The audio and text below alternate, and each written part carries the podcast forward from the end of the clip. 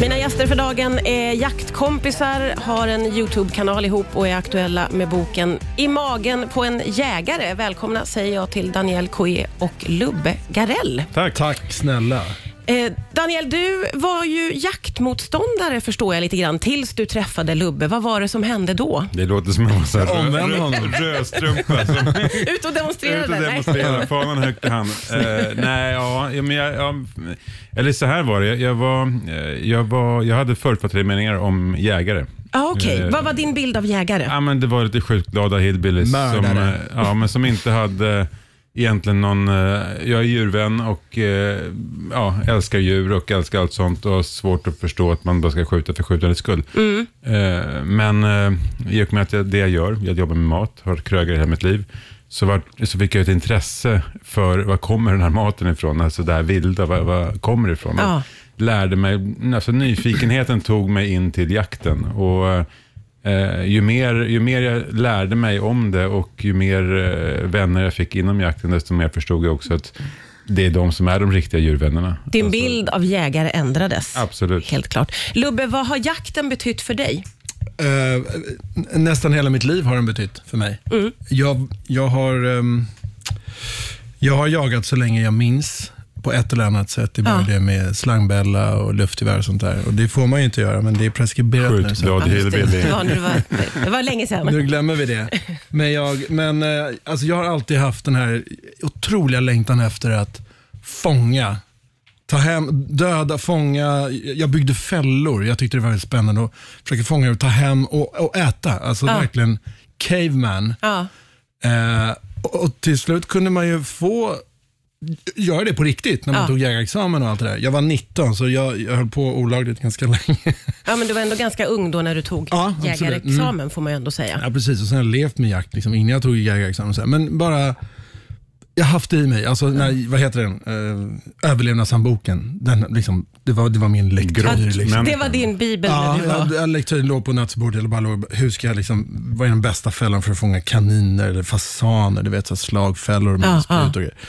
Jag var förlåt, så fascinerad av hela fångst, men jägare, samlare, kulturen Ja. som fanns för 10 000 år sedan. Men vad har jakten kommit att betyda för dig nu då? Nu har du jagat i 15 år, Daniel. Eh, det låter länge, men jag känner mig fortfarande ganska grön. Men, Ja, nej, men den betyder jättemycket, speciellt för att jag eh, har ju min mat som jag jagar på krogen. Mm. Eh, Det finns en enorm story som jag kan berätta om varje rätt som jag serverar, vilket djur det kommer ifrån. Eh, Jag har en kunskap idag som jag inte hade förut och det är hur jag hänger djur, hur jag tar hand om djur. Eh, Det gör ju också att jag kan eh, men jag kontrollerar hela cykeln då, från, från skott till bord. Ja. Lite klyschigt sagt, men, men så är det ju. Och det är väldigt roligt att kunna göra det också. Och, eh, för det köttet, egentligen allt viltkött är ju väldigt Alltså det är ett delikat kött eh, och man kan, eh, man kan göra faktiskt väldigt mycket på det och få det att smaka lite olika eh, beroende på kunskap. Ja. Och jag har lärt mig genom att göra fel, som alltid.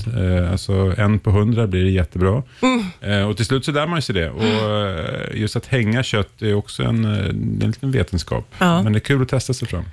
Vi ska prata vidare om hur det kommer sig att ni har gjort boken ihop och vi ska också prata om, det är ju väldigt tydligt att man kan göra väldigt många olika saker med viltkött, det framgår i boken.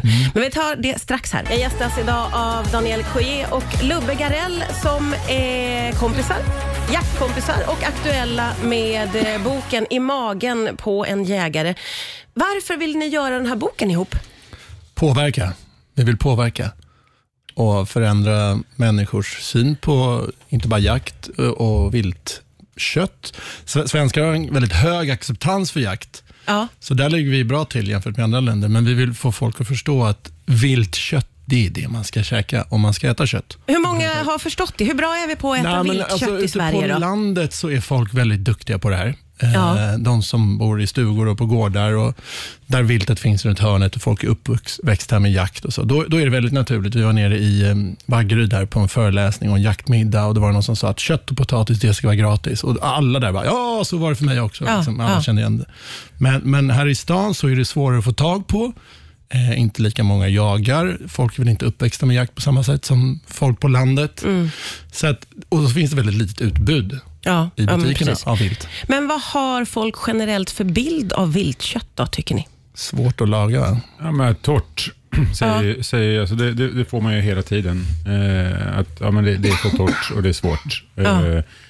och det är det inte. Men, men som allting, man måste, ju, man måste ha en liten kunskap. Och det är så lätt att generalisera saker och ting bara för att man kanske någon gång har varit hos någon eller någon mormor eller vad som helst som har gjort någon eh, hjortstek i ugnen som hon har glömt bort där och så kommer den ut helt grå och torr och så eh, kör man en riktigt fet gräddsås till och lite lingon och så är det det man har som liksom referens till vad viltmat är och det, det är så mycket mer och, och det är det vi också vill visa. Så att känna oss lite grann som så missionärer som åker runt i, i världen, men i Sverige i alla fall, och, och pratar just om, om vilt. Och, Ja.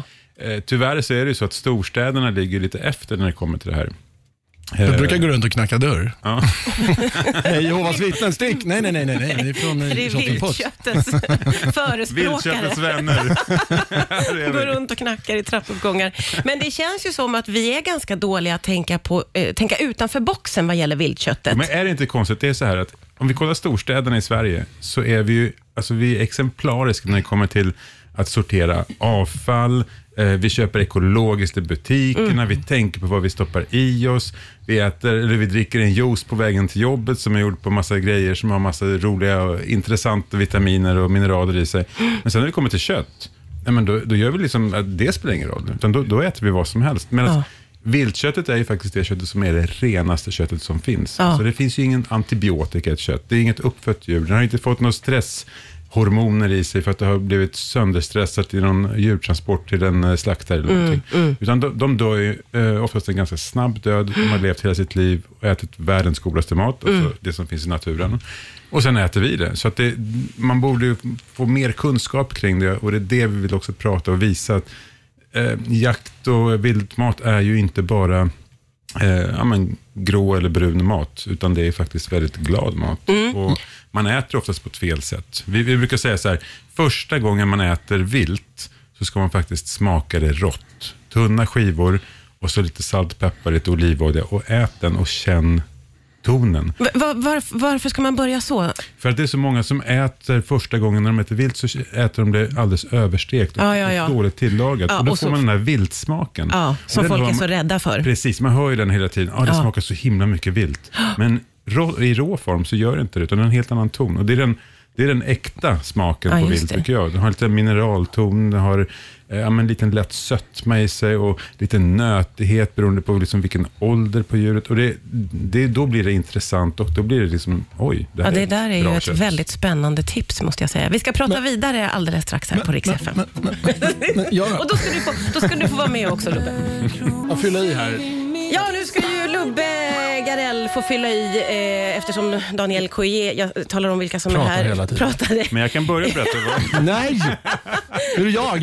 Nu ville Lubbe Nej, lägga jag ville till bara, jag ville bara någonting. fylla i här att eh, anledningen också till att eh, många storstadsbor inte har en kunskap eller tillgång till viltkött är att det är svårt att finna i butik. Och det är väldigt dyrt. Mm. Ja, det är just det. svårt för oss jägare att sälja viltet. Det är, det är svårt att nå ut till, till folk, folket. V- vad krävs för att få till en sån förändring då, tror ni? Jag vet inte. Ja, men en grej Påverka vara- politiker, men... men, men, eh, Men dels det, men också kapa led kanske. Idag, idag Jo, är det absolut. många led innan det kommer fram till en butik. Nej, men äh, enklare regler.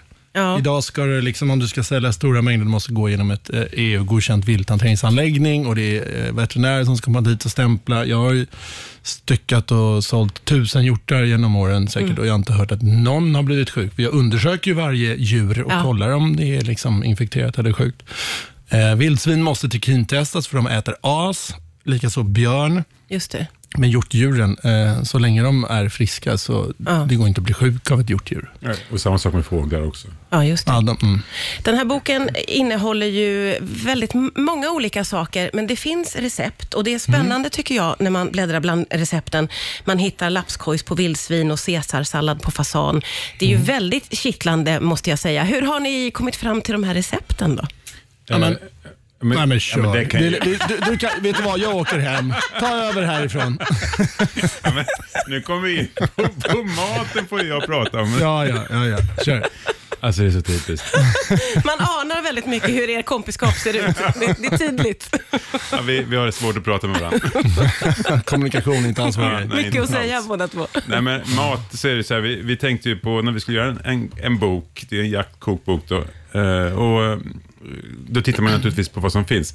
Och det skrämmande och lite roligt också, det är att just jaktkokboksgenren har inte förändrats någonting sedan begynnelsen egentligen. Nej. Eh, och det är så tragiskt för att den är alltid brun. Det är alltid brun mat i. Ja. Eh, och det är alltid de här stilleberna, det här gamla bordet med en död fasan och Ja, ja, ja. hagel, eh, Ja. men vet, och mörka tyger och allt det här. Vi vill göra en glad bok Ja. och, och mat ska också vara glatt. Det, då tycker jag att det ser gott ut Mm. och, och vi älskar att laga glad mat och laga mat som framförallt inte är så förknippat med vilt. Utan ja, men en Mm. Salsasallad är ju inte, man tänker inte åh, det ska man ha viltkött i." Nej, men det verkligen. går ju. Ja, Men ja. klassikerna finns, ja, ja, just men, det. men också modern mat. Ja. Såsom eh, som yakiniku, och tataki och tacos och allt det där. Men Ja. allt är på Hamburgare. vilt. Hamburgare.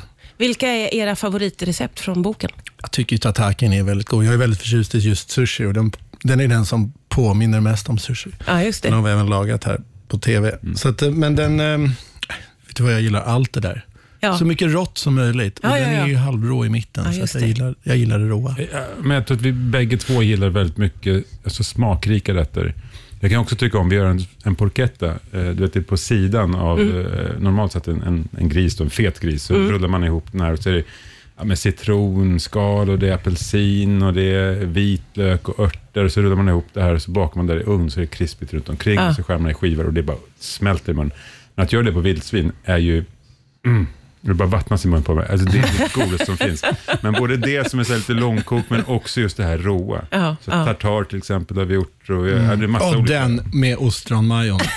Den ju nästan allting. Mycket gott i den här Faktiskt. boken. Ja, Jag, och jag har inte ätit sedan igår kväll, så jag är super. Just det, det är bara, måste se till att du får mat, Daniel.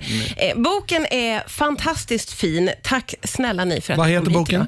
Ja, den heter I magen på en jägare. Just Och det. ni två heter ju Lubbe Garell och Daniel Koje. Tack för idag. Manget